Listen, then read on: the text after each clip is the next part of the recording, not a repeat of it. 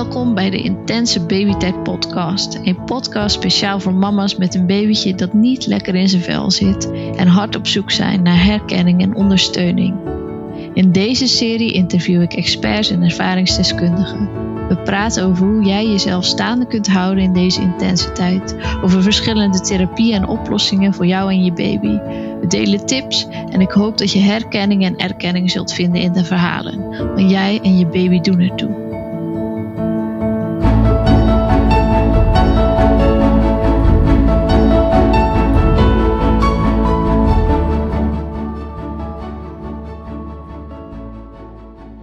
Welkom bij deze nieuwe podcast. Uh, vandaag gaan we het hebben over een, ja, denk ik wel een beladen onderwerp waar de meningen nogal over uiteenlopen, namelijk huilen. Um, ja, huilen is de taal van baby's en als ouder zijn we ontzettend geprogrammeerd om er heel snel op te reageren. Uh, ik denk ook dat de meeste ouders het gelijk willen stoppen. Maar soms lukt het niet uh, om het huilen te stoppen en dan proberen we van alles. Ook ik heb echt van alles geprobeerd en ik vond het echt een soort falen dat ik mijn eigen kind niet stil kon krijgen. Um, want ik had het gevoel van ja, um, zoveel huilen, dat kan nooit goed voor hem zijn. Er klopt gewoon iets niet. Maar toch heb ik echt ontzettend veel over dit onderwerp mogen leren. Want uh, ja, je hebt huilen en je hebt huilen. En uh, het heeft eigenlijk ook een functie dat een babytje zoveel huilt.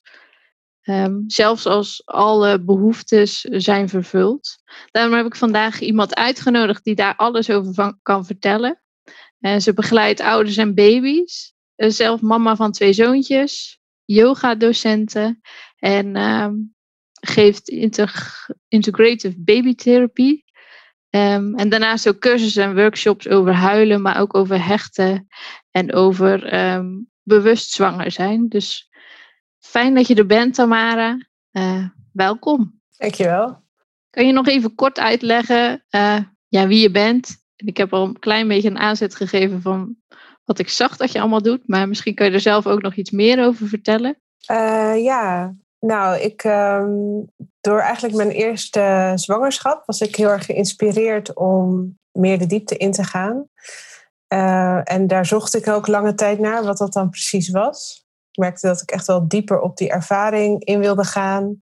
Of eigenlijk ehm, het mysterie dat er voelbaar onder ligt, dat ik daar naar op zoek was. Van hoe kan je dat nou ehm, bevatten meer? En ik deed wel toen al een zwangerschapsyoga-opleiding. Maar daar, uh, en dat was heel fijn in die tijd. Dus dat deed ik tijdens de zwangerschap. En uh, dat gaf ook wel heel veel verdieping. Maar ik bleef een beetje zoekende.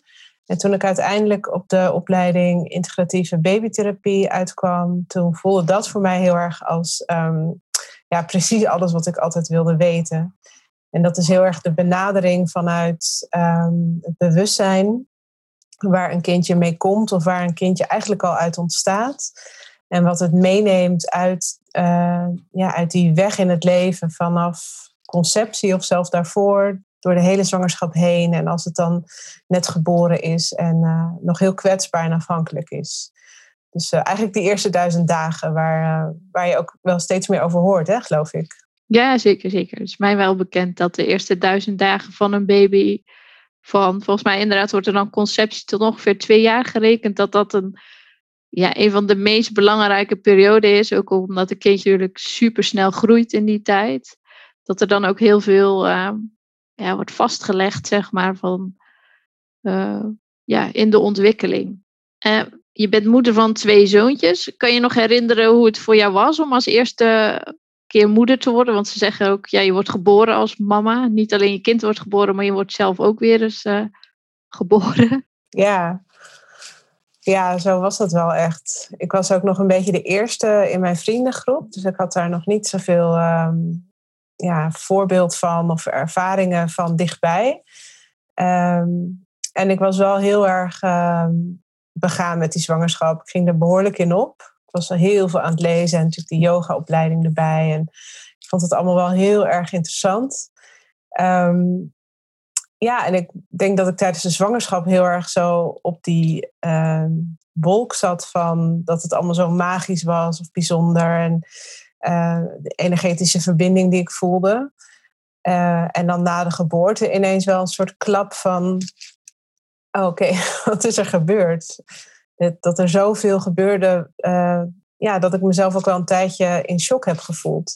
Hmm achteraf gezien. Er was zo'n onderliggend gevoel van in shock zijn, van niet helemaal in mijn lichaam zijn, niet helemaal uh, met mijn voeten op de grond staan voor mijn gevoel. Gewoon nog niet helemaal kunnen bevatten wat er nou allemaal gebeurd was en veranderd was. En dan ook nog inderdaad mezelf moeten vinden in die rol als moeder. En gaf dat dan een, eh, kan je het gevoel beschrijven? Was het, was het een fijn gevoel of juist helemaal niet? Zeg maar die, dat niet geaard zijn, om het zo maar te zeggen. Dat niet, nog niet helemaal geland zijn. Nee, ik denk dat er onderliggend een soort onrustig gevoel in mij was. En ook, ook in dat zoeken naar hoe doe je dit nu, dat ik um, uh, ja, me heel erg aangetrokken voelde tot uh, bewust ouderschap, attachment parenting, allemaal dat soort uh, ideeën. Uh, en, en ik daar ook heel veel van toepaste, maar het was niet zo vanuit verbinding met mezelf. Dus het was mm. heel erg vanuit een gedachte en daardoor bleef ik ook onzeker eigenlijk in wat ik deed en hoe het ging en of het het goede was, zeg maar. Mm ja, merkte je uh, dat dat ook invloed had op je eigen kindje? Die onzekerheid, dat zoeken? Ja, Misschien wel als ik dat nu vergelijk, dat ik uh, bijna vijf jaar later nog een, uh, een uh, zoontje kreeg. en dat, dat maakt natuurlijk heel veel ouders mee dat als je dan een tweede of een derde of zo krijgt, dat het dan niet meer zo die enorme shock is. Want je maakt niet meer die overgang mm-hmm. van niet ouder zijn naar ouder zijn. en dan heb je het allemaal een keer gedaan en vaar je wat meer op je gevoel. Um, maar daardoor zag ik wel ook in, in, in het kind een ander effect, denk ik. En ehm, bij onze oudste heb ik denk ik heel erg in stand gehouden op een bepaalde manier dat hij s'nachts om de twee uur wakker werd om te voeden. Mhm. Want ik vond dat niet zo'n heel groot probleem. Ik vond het wel zwaar, maar ik dacht, nou, dat is gewoon normaal, dat, dat hoort erbij. Um, en ik denk dat dat dan over en weer een soort van, in, ja, dat het in stand gehouden heeft. En ook het idee dat hij niet alleen in slaap kon vallen, dat ik daarbij moest zijn. Uh, wat we tot 2,5 jaar hebben gedaan. Altijd erbij blijven. En toen op het laatst werd het, uh, ging het steeds langer duren voordat hij in slaap viel. En toen nam mijn vriend daarin een beetje het voortouw van, nou weet je, laat het hem maar zelf doen. Want eigenlijk hielden we hem wakker door erbij mm. te blijven. En ik kon heel moeilijk uh, dat soort stappen zetten, omdat ik heel bang was dat ik dan um, ja, hem echt iets aandeed. Ik maakte dat ook heel groot in mijn hoofd. Dus ik denk mm. dat een bepaalde afhankelijkheid hebben we wel in stand gehouden. Ja, ja ik moet zeggen, die, die herken ik wel. Dat je ja, bang bent of zo. Dat het, dat het voor hem of als je een dochter hebt, voor haar niet goed is, dat je, dat je wat grenzen, eigenlijk is jezelf begrenzen of de situatie begrenzen, dat dat een negatief uh, invloed gaat hebben op zijn of haar ontwikkeling, zeg maar, die angst. Ja, precies. Inderdaad, echt je eigen grenzen aangeven. En ja, daar kom ik nu dan achter, of dat, dat vertel ik nu, van dat is eigenlijk juist zo belangrijk. En dat is wel ook wat ik op een gegeven moment met mijn oudste zoontje heb gedaan toen hij tien maanden was. En ik heel sterk voelde van ik wil s'nachts niet meer voeden. Daar ben ik echt klaar mee. En toen, mhm. toen dat voor mij zo duidelijk was, kon ik dat ook heel makkelijk gewoon doen. En was het niet zo'n probleem. Hij werd wel nog steeds om de twee uur wakker. En dan gaf ik hem een pink. En dan viel hij op dezelfde manier in slaap als wanneer hij mhm. eh, zou, uh, zou drinken. Maar dat was voor mij toen echt een grens. Van ik heb hier genoeg van. En hier stop ik mee. Ja. en dat is wel heel belangrijk, want het mag iedere grens zijn die jij voelt. Als het maar heel duidelijk is, dan doe je je kind er eigenlijk niet, niets mee aan, denk ik. Nee, nee. En eerder in, die, in de onzekerheid en het twijfelen. En, ja. ja, en dan is het ook heel lastig, denk ik, om die keuzes te maken als je er zelf niet achter staat. Ja. En, en dan werkt het, denk ik, vind het lastig om dat nu voor mezelf in te vullen, maar uh, dan werkt het denk ik ook niet zo goed als je er niet 100% mee akkoord bent, diep van binnen. En dan voelt zo'n kindje ook dat daar nog ruimte is. En dan, uh, ja. Als het bijvoorbeeld een advies is, bedoel je? Ja, inderdaad, een advies. En dat je dan, uh, of je vindt het lastig om echt te voelen wat jij nou wil. En je bent bang, dus je gaat heel erg in je hoofd zitten. Maar je weet eigenlijk, ik kan het fysiek niet meer. er zit gewoon fysiek vaak wel een grens aan. Dat je daar nog niet zo goed bij kan, zeg maar. En heel hard gaat twijfelen in je hoofd. Dat, je, dat zo'n kindje ook voelt dat het niet, dat er twijfel is, zeg maar. En dat, dat het zo lastig maakt om, uh, om echt die knoop door te hakken. En dat je dan misschien in zo'n cirkel komt van uh, proberen, oh gaat huilen, oh proberen huilen. Weet je wel dat, je, dat het niet lukt? Snap je wat ik bedoel? Ja, en dat je het huilen ook ziet als een teken van, oh, dit, dit is dus niet goed. Ja, ja precies ook. Ja, ja. Want daar uh, is een mooi bruggetje. Daar gingen we het ook echt vandaag over hebben, over huilen. Het is uh, de taal van baby's. Ik vond het heel erg intens. Ook omdat het meer was bij ons dan alleen zeg maar huilen vanwege honger of een, uh, een schone broek of moe zijn, zeg maar. Het was echt meer krijsen, noemde ik het altijd. Maar het is, achteraf vind ik het echt een fascinerend onderwerp geworden eigenlijk, omdat er zoveel over te leren is. En kan je eens een beetje uithuilen, of uithuilen, hoor mij, kan je uitleggen van waarom huilt een baby en uh, wat zijn eigenlijk de verschillende redenen waarom een baby uh, kan huilen? Ja, uh, nou ja, een baby huilt sowieso om een signaal af te geven. Het is een, in ieder geval een beleving van stress. Dus de maat is op een bepaalde manier vol. Of dat nou het hongergevoel is wat te veel is geworden als een baby al uh, misschien al signaal had gegeven en die, die werden niet gezien of zo. Um, en dat het dan ineens ja, een overweldigend gevoel van honger is. En dan is dat, uh, is dat een reden bijvoorbeeld om te huilen. Mm -hmm. um, en dat heeft heel veel te maken, zeker ook die behoefte huilen, met um, het gevoel van elkaar even kwijt zijn. Of dat de verbinding even is verbroken, omdat een baby zo afhankelijk is. En zo ja. kwetsbaar daarin ook. En dat is een heel diep besef, denk ik, van een baby ook, dat hij zo de ouder nodig heeft om uh, te overleven eigenlijk. Dus dat uh, dat, dat dan ook zo'n um, zo'n prikkel eigenlijk vergroot. Van oh, honger of oh, te lang en niet vastgehouden of zo. Of ik weet even niet waar, waar er iemand is. Mm -hmm. um, ja, dat, die, dat het een soort van existentiële angst of dat weten onderligt dat die afhankelijkheid zo groot is, dat daardoor ook dat huilen dan um, ja, al vrij heftig kan zijn. Maar het is natuurlijk meteen een, een communicatiemiddel, eigenlijk uh, heel direct van ik heb even iets nodig.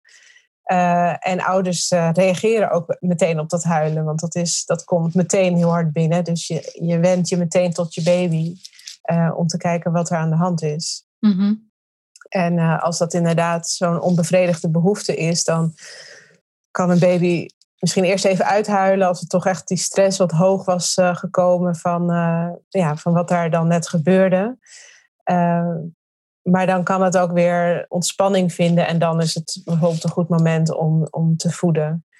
En dat soort momenten horen er ook heel erg bij. Dat ehm, ja, steeds weer even die, die verwijdering die ontstaat sowieso wel. Want je bent, je bent niet altijd helemaal ingetuned op je baby. Dus er ontstaan altijd wel momenten van even soort van verbindingsverlies. Mm-hmm. Um, maar als je als ouder ook dan meteen kunt reageren en kunt voelen wat je kindje nodig heeft en daaraan kunt beantwoorden, dan versterkt dat ook weer de band. En iedere keer weer het vertrouwen in de baby ook van oké, mijn er is iemand voor mij en mijn behoeften doen ertoe. Ik mag, mm-hmm. ik mag me uiten.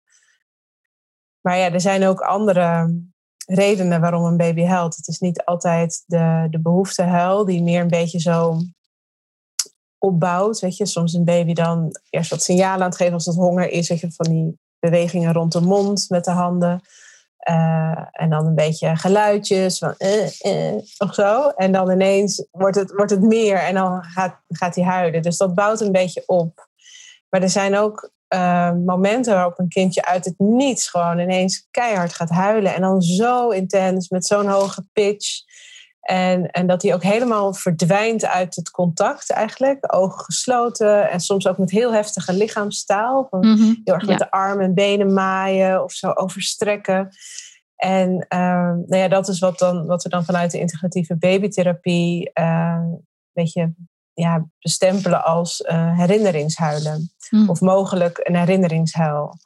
En dat geeft al een beetje weer dat we wel naar baby's kijken vanuit, ehm, ja, vanuit het gegeven dat ze niet als een onbeschreven blad ter wereld zijn gekomen. Dus dat ze echt iets hebben meegemaakt uh, vanaf de conceptie, uh, de zwangerschap, de geboorte zelf, ook de, de kraamtijd of de postnatale tijd. Dus ze, ze hebben diepe indrukken opgedaan, uh, ervaringen gehad, Mhm. waaraan ze ook weer een herinnering kunnen hebben. Zeker als dat ervaringen zijn geweest, soms mogelijk bij de geboorte, dat het zo intens was ook voor de baby, of zo spannend, of pijnlijk, of overweldigend, of beangstigend. Al dat soort emoties kan een baby daarin ook beleven. En die kunnen als een flashback eigenlijk soort van terugkomen, als een, als een lichaamsherinnering. En dan ineens uh, de aanleiding zijn voor heel heftig huilen. En dat kun je inderdaad wel eerder krijsen noemen. Dat het, ja, het gaat door merg en been echt. Ja. En, um, en je weet ook gewoon echt niet wat je kunt doen. Want je kindje is niet te bereiken. Uh, Ja. De borst of zoiets aanbieden, dat is niet iets wat werkt op zo'n moment. Dus en ja, je, je, merkt waarschijnlijk dan zelf ook al snel dat je eigen hartslag ervan omhoog gaat. En dat je er echt een beetje stress van krijgt. Van wat is Ja. dit voor huil? Ja, Ja. Ik heb ook heel vaak afgevraagd, wat is normaal?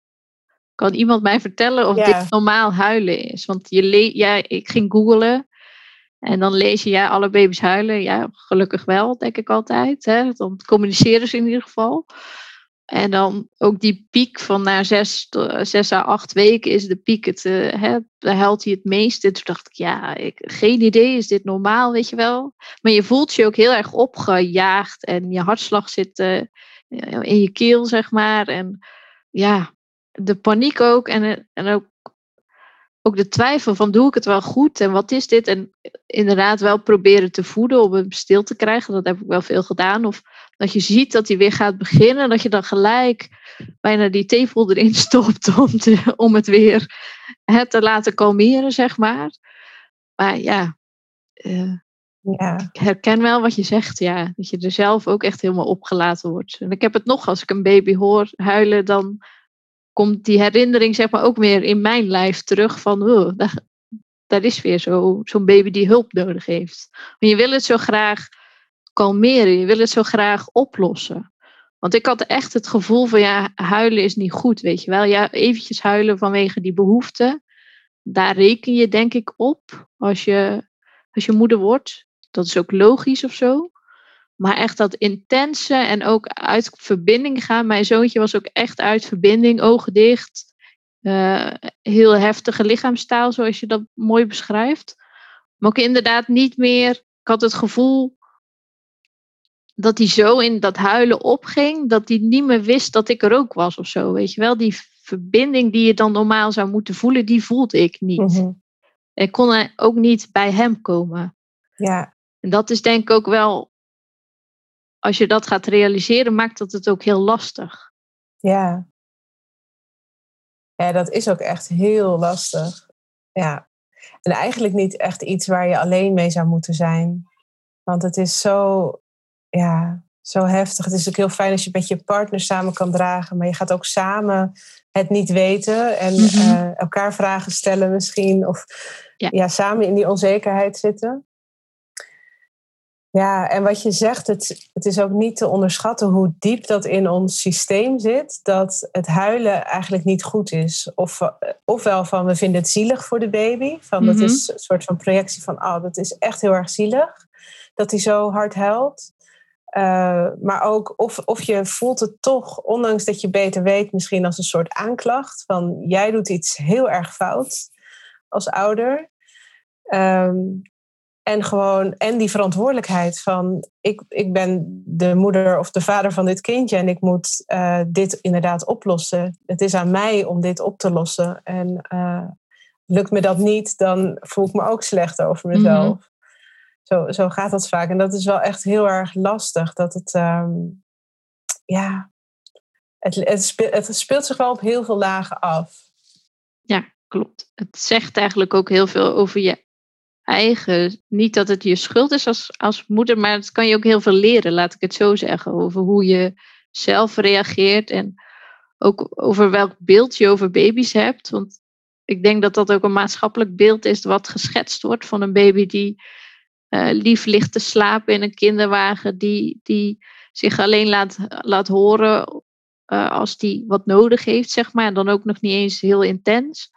Dat dat beeld zo is van een, een baby is een lief, uh, onschuldig wezentje, dat, dat gewoon niet te vaak huilt, wel een beetje huilt, zijn behoeftes laat horen, maar niet dat heel intense, zeg maar. En als dat niet klopt met het beeld wat je hebt, hè, als jouw baby niet overeenkomt met wat zou moeten, dan, ja, dan kan je daar echt ontzettend schuldig over voelen en uh, onzeker. En ja, inderdaad ook wat je zegt, dat je met je partner, uh, dat die het ook niet weet. En uh, en ik weet nog wel eens op de momenten dat ik dan zelf zo overstuur was, dat ik dan mijn zoontje aan hem gaf en dan werd hij rustig. En dan dacht ik, oh zie je wel, het ligt helemaal aan mij. dan werd ik er nog helemaal gek van, zeg maar. Uh, dus ja. Je zegt ook dat idee, dat beeld van een, uh, een stille baby is een, uh, is een goede baby. Is een beetje een soort mm -hmm. ideaal. Wat ik ook wel eens van zwangere vrouwen hoor. Van nou, ik hoop maar dat ik geen huilbaby krijg. Of uh, ja, of dat ze over een baby zeggen van nou, zo'n makkelijke baby, zo zoet, geeft geen kick. En dat is natuurlijk fijn, want het is, maakt het wel makkelijker. En het maakt dat je veel, ontspannen, veel meer ontspannen in het ouderschap kan staan en meer kan genieten van je baby.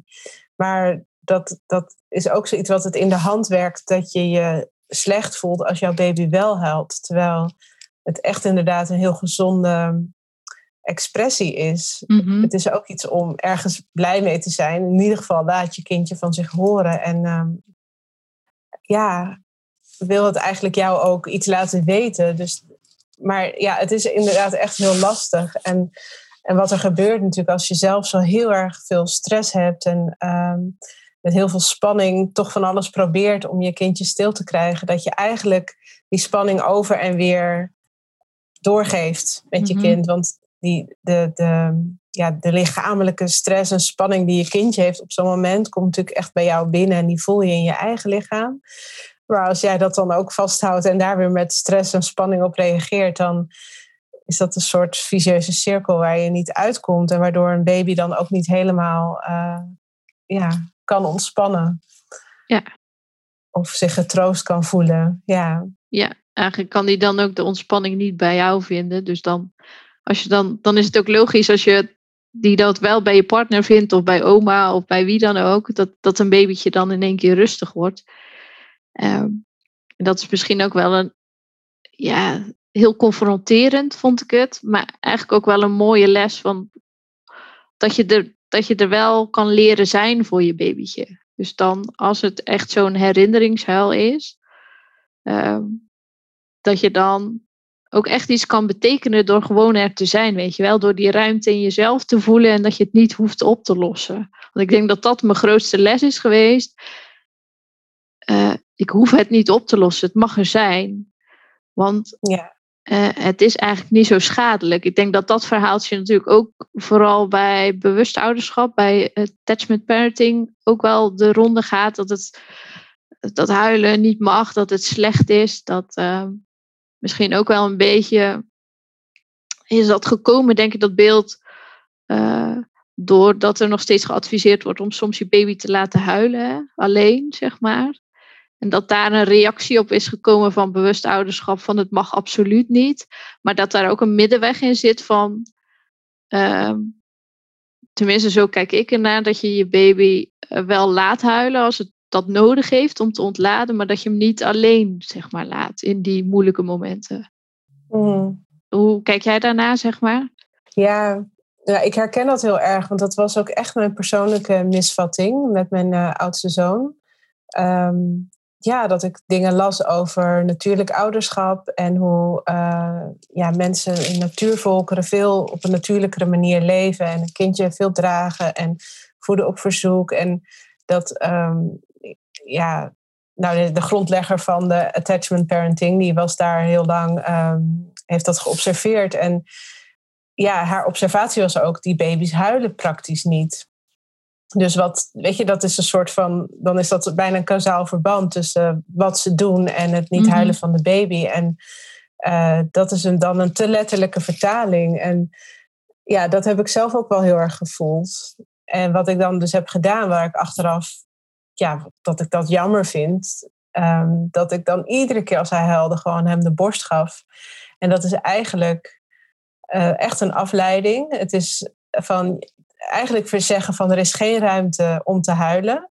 Of als je het vertaalt naar je volwassen leven, stel dat jij bij je partner komt en je bent verdrietig om iets, je gaat heel hard huilen en die zegt, nou, je zal wel honger hebben, hier eet maar wat. Mhm. Dan voel je je natuurlijk niet gehoord. En als dat keer op keer gebeurt, dan voel je niet dat er ruimte is voor jouw verdriet. Diegene kan dat niet aan, dus die geeft je wat te eten of leidt je af met iets anders, zeg maar. Mhm.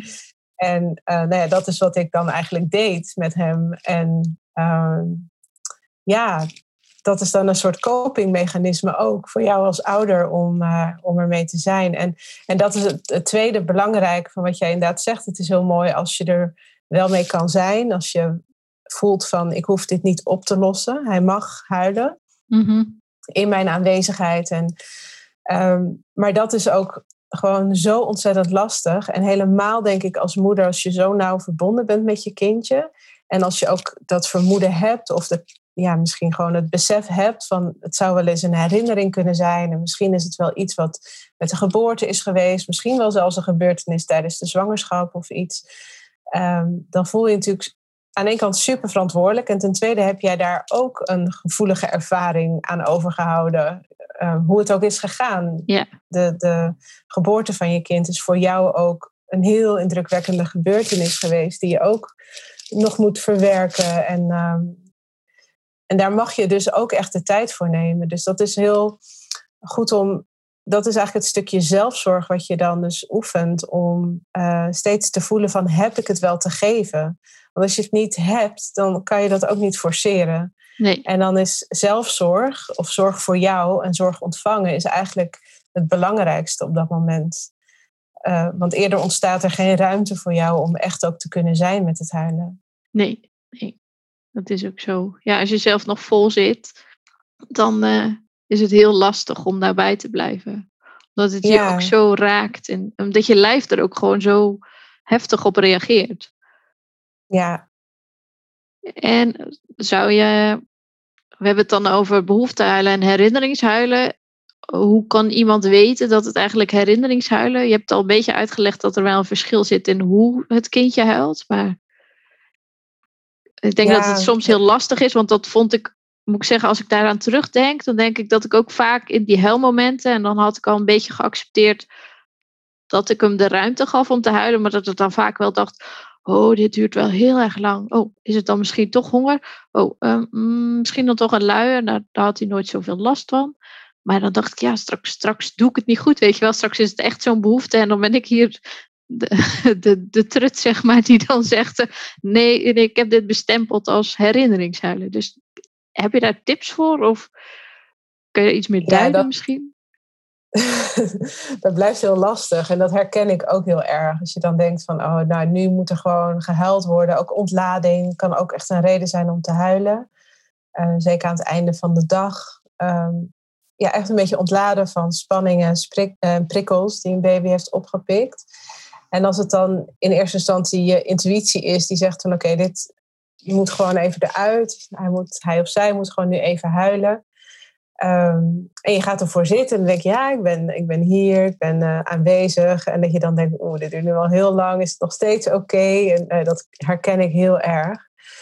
Um, ja, en over het algemeen weten baby's natuurlijk heel goed wat ze willen, wat ze nodig hebben. Mhm. En als er gehuild wordt, dan moet dat eruit. Dan voeden heeft op zo'n moment geen zin. En in slaapvallen werkt ook pas als er voldoende ontladen is eigenlijk.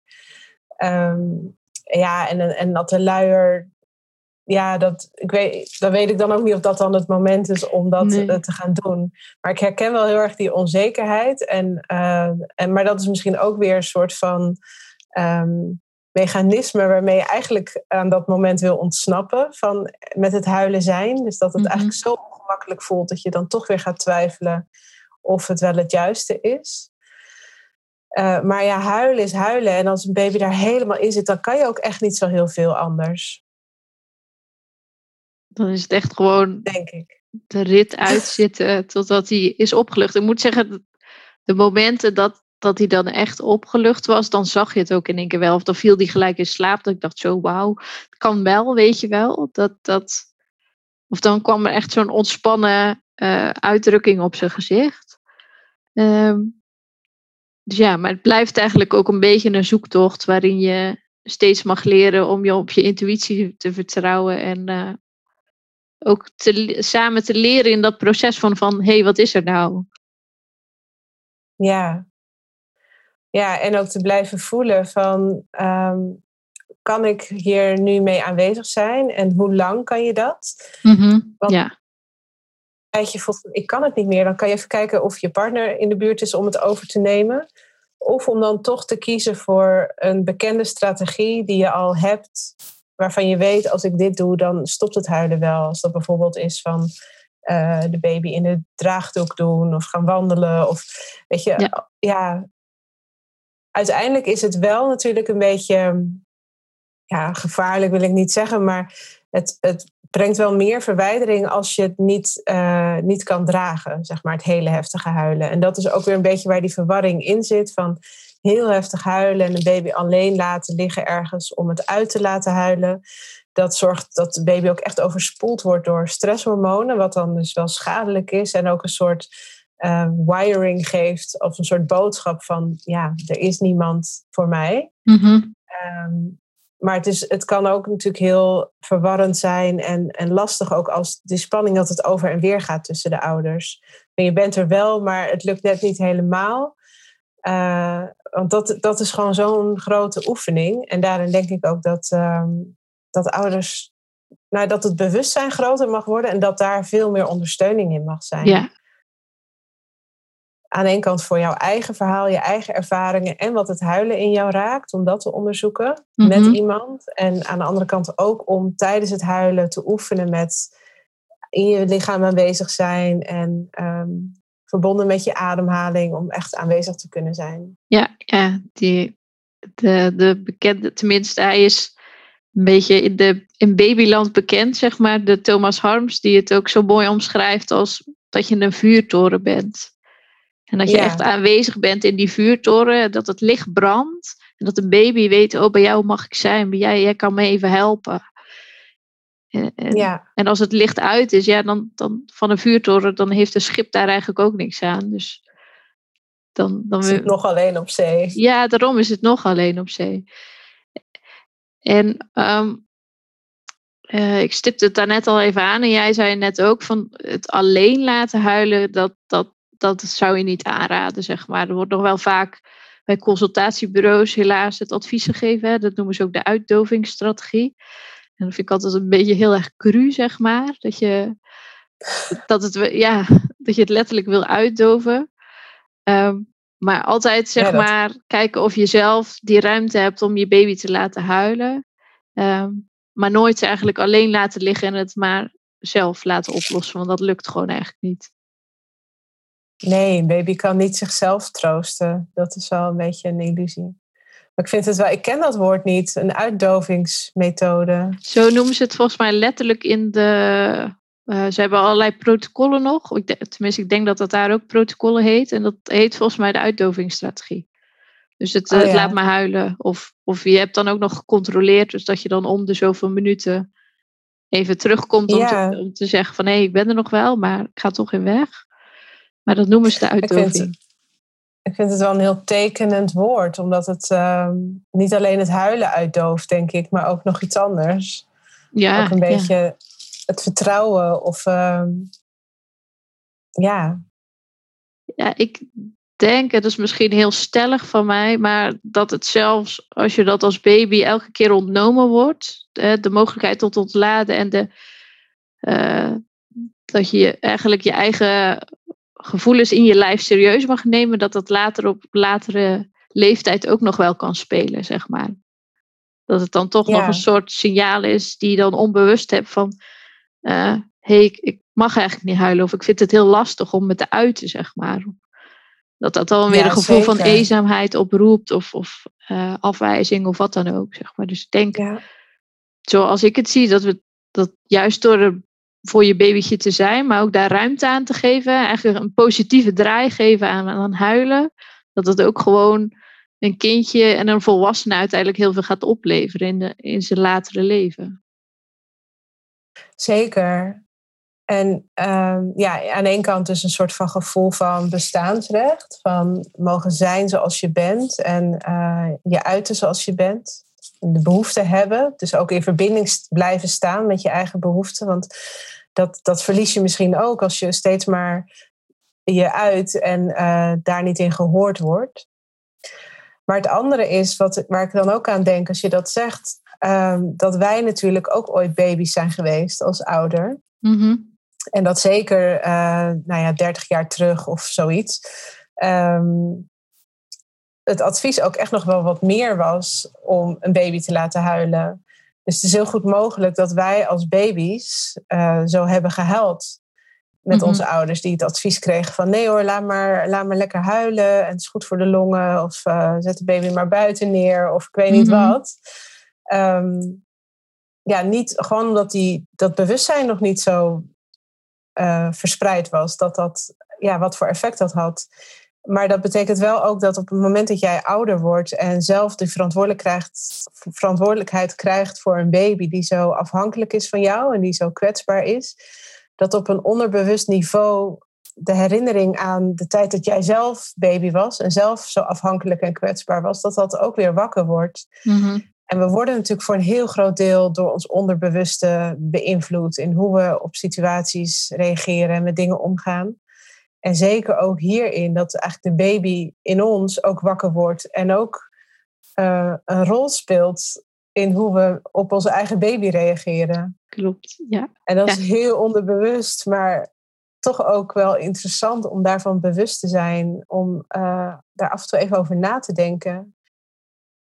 En dat kan inderdaad ook weer uh, uh, dat je lichaam, uh, je hebt als baby dat dan, eh, lieten je ouders misschien ook jou huilen, omdat dat werd aangeraden. En dat zit ook nog in je lijf. Dus op het moment dat je eigen baby dan huilt, dan wordt dat een soort van aangewakkerd. En dan, dan kan je dat ook nog als heel intens voelen. Want ik heb het wel met mijn moeder erover gehad. En ehm, zij zei dat ze dat ook altijd op probeerde te lossen met de borst, zeg maar. En, en ik moet zeggen dat die neiging had ik ook altijd in eerste instantie. Om gelijk maar weer te proberen te voeden, zeg maar. Of, of in ieder geval het huilen te voorkomen door heel veel aan te leggen. Dat dat een, zeg maar, een soort van imprint is die ik ook heb gehad als baby. Er, uh, en dat je dat dan eigenlijk ook weer uh, doorgeeft, onbewust. Omdat ja, we reageren denk ik voor uh, hoe zeg je dat? Ik weet niet voor hoeveel procent we onbewust reageren, maar we reageren vaker onbewust dan bewust eigenlijk. Ik geloof voor 95 procent. Ja, moet je nagaan. zeker als je dan gestrest raakt, dan, ja. uh, dan gaan die oude systemen gewoon aan. En dat is denk ik ook wel de, de mooie leerles die erin zit in dat proces van hé, hey, wat probeer ik te doen? En probeer ik eigenlijk ook mijn eigen gevoel daarbij te onderdrukken. En de babytherapie, wij hebben zelf ook een paar sessies gevolgd. het heeft voor ons wel heel veel gedaan. Uh, zeker omdat de bevalling uh, voor mijn zoontje ook heel heftig is geweest. Ehm, daar heb ik me ook wel schuldig over gevoeld, moet ik zeggen. Dat het zo is gelopen en dat dat voor hem ook echt een impact uh, heeft gehad. Kan je kort uitleggen uh, welke, welke ouders en baby's bij jou komen voor babytherapie en hoe dat een beetje gaat of wat de insteek is? Ja, mm, nou ja, vaak is het het huilen. Toch wel van wat laat de baby zien met het huilen en uh, ook niet zo goed weten hoe je ermee om kan gaan.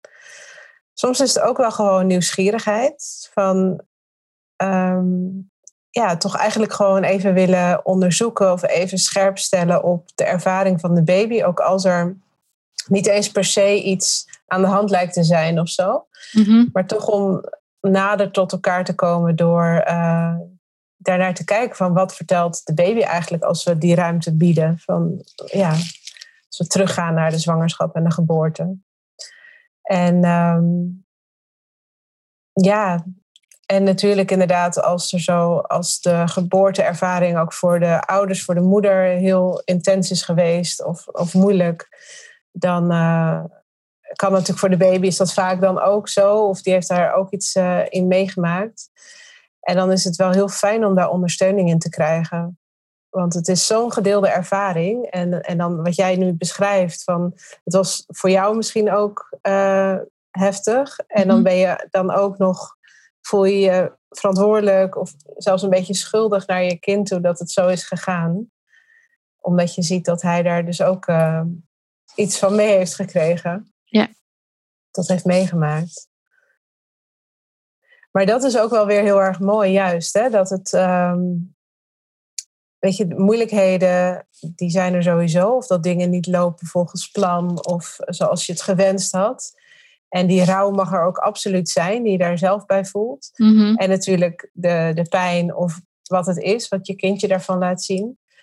Um, maar het betekent gewoon nooit dat iets onherroepelijk beschadigd is of niet meer goed kan komen. Het kan juist ook iets heel moois zijn waar je induikt samen, bijvoorbeeld in babytherapie, om dan um, elkaar nog beter te zien en je baby nog meer te begrijpen en eigenlijk ook een beetje ja, met verwondering te kijken naar wat hij of zij laat zien en hoe, hoe accuraat een baby eigenlijk kan vertellen wat mm hem of haar is overkomen. En dat je door dat te zien voelbaar gewoon dichter bij elkaar komt te staan. Dus dat je de band daar juist eigenlijk heel erg mooi door kunt versterken.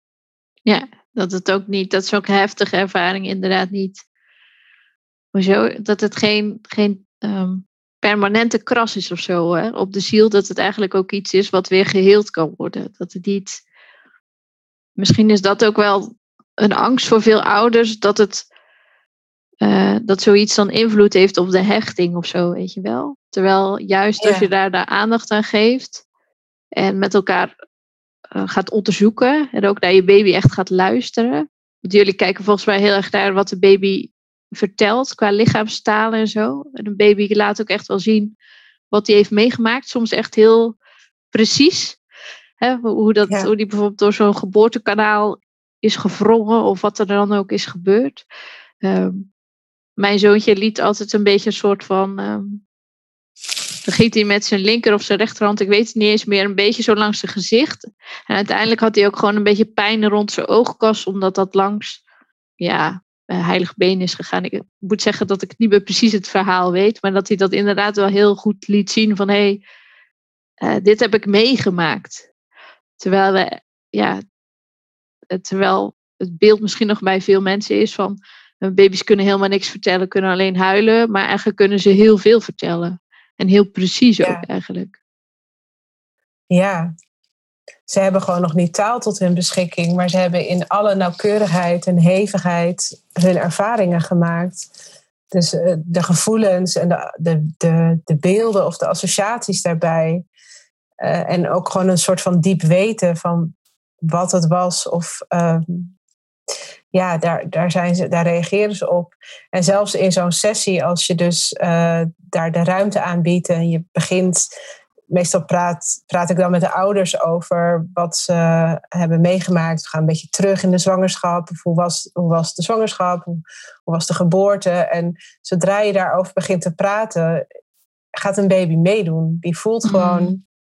Oké, weet je, ja, het gaat hierover. En hoe ze dat precies aanvoelen, dat weet ik ook niet. Maar het is, het is keer op keer. En ze gaan ook precies daarvan zich laten horen waar, waar, waar het in zit, zeg maar. Ja. Ja, ja, prachtig als je er zo over, als je er zo naar kan kijken, zeg maar. Ik denk dat dat echt een, hoe zeg je dat? Dat we baby's weer gaan zien als, als, als echt als mens al, weet je wel? Niet als, als baby die niks kan en af, natuurlijk is die afhankelijk, maar eigenlijk ook als een, een heel mens die al gevoelens heeft, die al ervaringen heeft, die al bewust is op een bepaald niveau. Ja, en als we die baby's dan weer zo gaan zien, dat dat zoveel bij kan dragen hoe ze verder hun leven doorgaan. Ja, ja dat denk ik echt. Ze zijn gewoon echt mensen. En dat is uh, toch wat we een beetje vergeten, omdat we zo gewend zijn om in het rationele te, ja, te verkeren eigenlijk. Of um, dingen rationeel te verklaren en ook op dat niveau met elkaar te communiceren. Mm-hmm. Uh, en baby's nodigen je echt uit om te voelen en te vertrouwen op wat je voelt door wat zij laten zien. Of ehm, ja, dat, dat is een andere laag die, die ze eigenlijk aanboren. Ja, ja, en die is ook terugspiegelen, zeg maar. Hè? Je eigen stukje krijg je ook weer terug via hun gespiegeld. Ja. Dat het emotionele, wat onder de. Wat je soms heel graag een beetje onder water wil blijven duwen, als zo'n bal. Ja, maar dat is ook echt, echt een proces wat, waarvoor ik ook altijd heel veel compassie voel voor de ouders. Want dat is niet iets wat je kunt uh, versnellen als je daar niet aan toe bent. Nee. Het, het gaat zoals het gaat. En als je als, als, zeker als moeder wat meer tijd nodig hebt om je eigen verhaal te verwerken of um, ja, om die ruimte te voelen voor je kind, dan, dan mag dat wel de, de voorrang krijgen. Ja. En dat is een heel rare soort tegenstrijdige beweging, omdat zeker wanneer een baby huilt, is de neiging om ja, naar buiten te gaan. Dus uh, in actie te komen en, en uh, ja, op je kindje af te gaan. Terwijl eigenlijk de, de beweging tegenovergesteld zou moeten zijn. Dat je hem naar binnen brengt en dat je bij jezelf komt. Om te kijken van heb ik nu die ruimte? Kan ik uh, aanwezig zijn? Kan ik mijn lichaam ontspannen?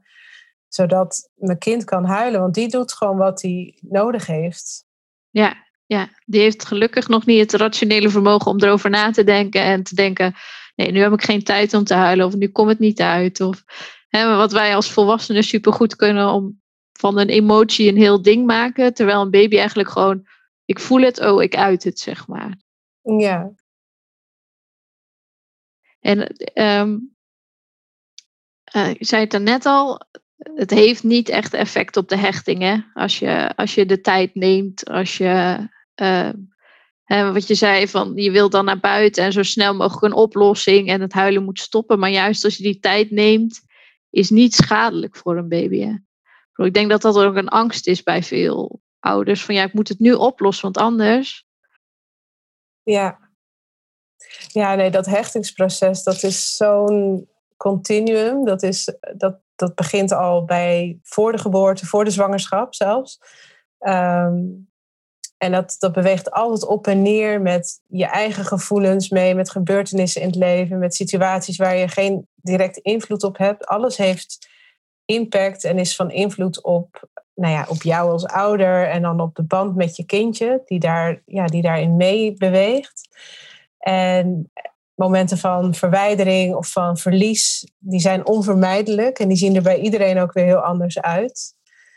Um, maar inderdaad, dat, dat bewustzijn en, en bij elkaar komen um, en, en ook het huilen de ruimte kunnen geven, dat zijn wel hele mooie dingen die dat weer kunnen dragen en die stukjes verlies weer kunnen helen. En, en ik denk dat het ook gewoon we moeten sowieso denk ik accepteren dat dat hechtingsproces geen rechte lijn is of iets wat perfect zou kunnen zijn. Ik, weet niet mhm. eens wat perfectie zou zijn. Omdat je juist ook de, de, de moeilijkheden nodig hebt en ook later met een oude kind de botsingen en de ruzies en de conflicten om weer dichter tot elkaar te komen. En het gaat voor mij heel erg denk ik over eerlijkheid daarin.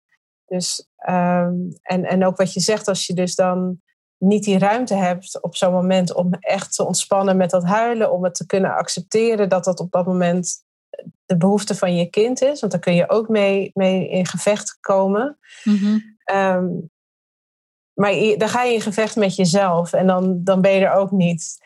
Dus het, het beste is om daar gewoon, denk ik, heel eerlijk in te zijn en ook naar je kindje te blijven communiceren. Van, nou ja, het spijt me heel erg, maar ik, op dit moment ben ik even niet op die manier beschikbaar. We gaan het eventjes zo doen. Of ik wil, uh, weet je, ja.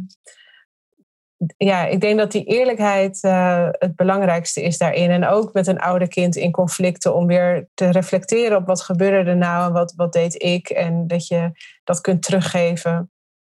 En ja, ik denk dat dat is waar het hechtingsproces in zit dat een mhm. kind ook echt leert van. Uh, het is namelijk een hechtingsproces met het leven via de ouders. En met andere mensen via de ouders. Dus alle latere relaties worden ook gevormd door die eerste mhm. relatie met de ouders. En uh, het is denk ik alleen maar heel erg versterkend als daarin ook moeilijkheden zijn geweest die geleid hebben tot elkaar weer vinden in verbinding. Ja, ja. mooi inderdaad hoe je dat zegt dat we het nodig hebben om weer uh, terug te komen bij elkaar, zeg maar. Elkaar even verliezen en dan weer eh, elkaar terugvinden. Ja, want ik dacht ook nog aan, zeg maar, als je denkt van, nou, een bevalling was, uh, de zwangerschap was gewoon helemaal fijn en de bevalling was thuis in bad als dat de wens was en het was mhm. helemaal peaceful en natuurlijk en helemaal mooi. En dan dat je dan ook nooit stilstaat bij hoe was het eigenlijk voor mijn baby als die in ieder geval niet heel erg huilt, zeg maar. Dus ja. Ehm, er kan ook iets heel moois in zitten in als er een moeilijkheid is geweest en de baby laat dat weten, omdat je dan wat, wat scherp gaat stellen, wat meer gaat kijken en uh, daarin meer verbinding vindt. Ja, ja, zeker. Anders zou je de baby een beetje vergeten in die ervaring. Ja, dat klopt. Dan is het, uh, dat was mijn droombeeld inderdaad, thuis in bad, rustig. En ik had ook bedacht, dan, dan zou ik een rustig kindje krijgen. Ik had het aan elkaar gekoppeld.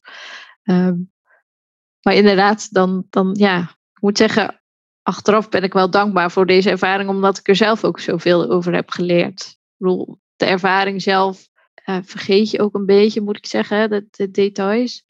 Maar uh, ja, het levert je ook heel veel op weer. En ook in de verbinding uh, met mijn zoontje en een beetje kunnen lezen, zeg maar, wat hij nodig heeft. Juist doordat je de verbinding een beetje kwijt was, weet je nu weer wanneer die verbinding echt aan is, zeg maar. En ik denk dat je ook een hele mooie tip gaf, tenminste, uh, praat tegen je baby. Hè? Vertel gewoon wat je voelt, of als het even niet meer gaat, of als je even uh, oma inschakelt, zeg dan gewoon: ehm, ik, ik, trek het eventjes niet, ligt niet aan jou, ik heb gewoon even ruimte nodig. Bedoel, een baby zal nooit letterlijk de woorden herinneren, maar die intentie kan je echt wel overbrengen. Ja, ja dat geloof ik ook echt. En, en daarmee draag je ook zorg voor jezelf als ouder. Want je bent, ja, je bent eerlijk naar wat je capaciteit is op dat moment. En naar waar jouw behoeftes liggen. En, en het is echt helemaal oké om, uh, om hulp te vragen daarin. Ja. We doen het echt zo ontzettend alleen allemaal. En uh, ja, dat komt uiteindelijk baby's ook niet uh, per se ten goede als ouders gewoon het niet kunnen dragen. Of nee, nee. Ja, op een tandvlees lopen eigenlijk. Nee, en als je die grens overgaat van jezelf, dan, dan heeft een baby ook niks meer aan jou. Ik bedoel, hij heeft je nodig, maar hij heeft wel die ruimte nodig. En als jij zelf even die ruimte weer moet vinden, dan is het ja, gewoon oké en goed als je iemand anders even inschakelt. Ja. Heb je nog andere tips voor uh, luisteraars die op het moment in zo'n heftige situatie zitten? Uh, ja, nou, wat ik op zich nog wel mooi vind om het onderscheid te maken, is dat je natuurlijk het, um, het hechtingsproces hebt. In het Engels is dat dan attachment en uh, bonding. Mhm. En dat daar een verschil tussen die twee zit. Want het, dat hechting in die zin van attachment is, gaat echt over overleven. Het is van levensbelang om op die manier te hechten aan ouders en verzorgers. -hmm. um, en bonding heeft wat meer een soort plezierige kwaliteit iets meer met uh, ja, het fijne van lichamelijke aanraking, van uh, liefde ervaren onderling of met elkaar. En uh, ook het genot van voeden. Baby's kunnen natuurlijk aan de borst ook daar heel erg van genieten. Mm -hmm. um, nou ja, dat soort dingen. Dat, dat het ook wel mooi is om dat onderscheid te zien, omdat je op beide momenten kan oefenen, of juist dan op die rustige momenten waar, waarop je van elkaar geniet, om dan heel erg aanwezig te zijn in je lichaam. Dus door bijvoorbeeld je heel bewust te zijn van je ademhaling. Want op zo'n moment is het makkelijk om dat te oefenen. Mhm. En het is heel veel moeilijker als je baby huilt. Maar hoe meer je dat oefent, hoe makkelijker je daar ook naartoe kunt gaan wanneer je baby huilt. Dus dat je ja, ik word nu geroepen door Joost. Ik hoor um, ja, maar om, dat is sowieso een, een tip of de oefening om tijdens het huilen die lichaamsverbinding met jezelf te voelen. Middels je ademhaling bijvoorbeeld en ontspanning van je lichaam. Uh, maar daar kun je ook heel bewust van zijn op de fijne momenten van het samen liggen of knuffelen. En dat je dan ook nog meer ontspant. En dat, dat die kant van de relatie ook nog meer uh, floreert of zo. Of dat dat gevierd wordt of van genoten wordt. Ja, dan, dan richt je je aandacht ook op, op de positieve dingen die er zijn, op de geluksmomentjes, op de, op de roze momentjes, zeg maar. In plaats van dat het grijze overheerst. Ja.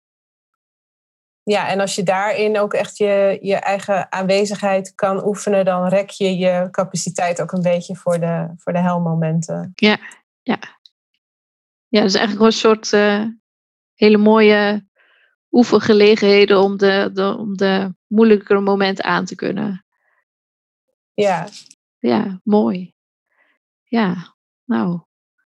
Ik denk dat we een paar hele mooie onderwerpen hebben besproken. En uh, ja. ja, dankjewel voor, uh, uh, voor wat je verteld hebt en wat je uitgelegd hebt en voor je tips.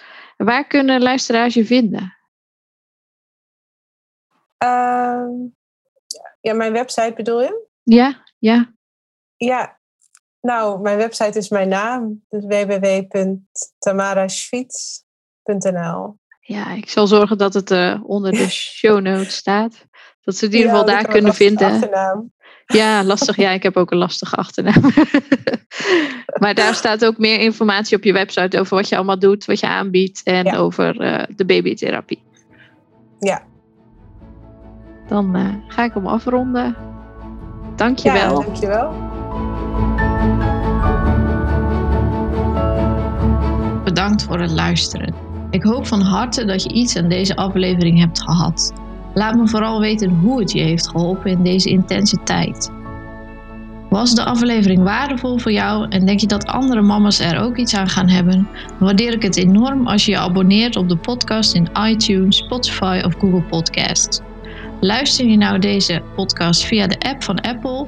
Laat dan alsjeblieft ook een review achter. Daarmee help je mij om nog meer nieuwe mama's te bereiken. Heb je veel twijfels als moeder? Vind je het nou lastig om bij je moedergevoel te komen en daarbij te blijven?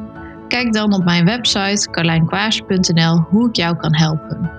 Voor nu heel erg bedankt voor het luisteren en tot de volgende aflevering.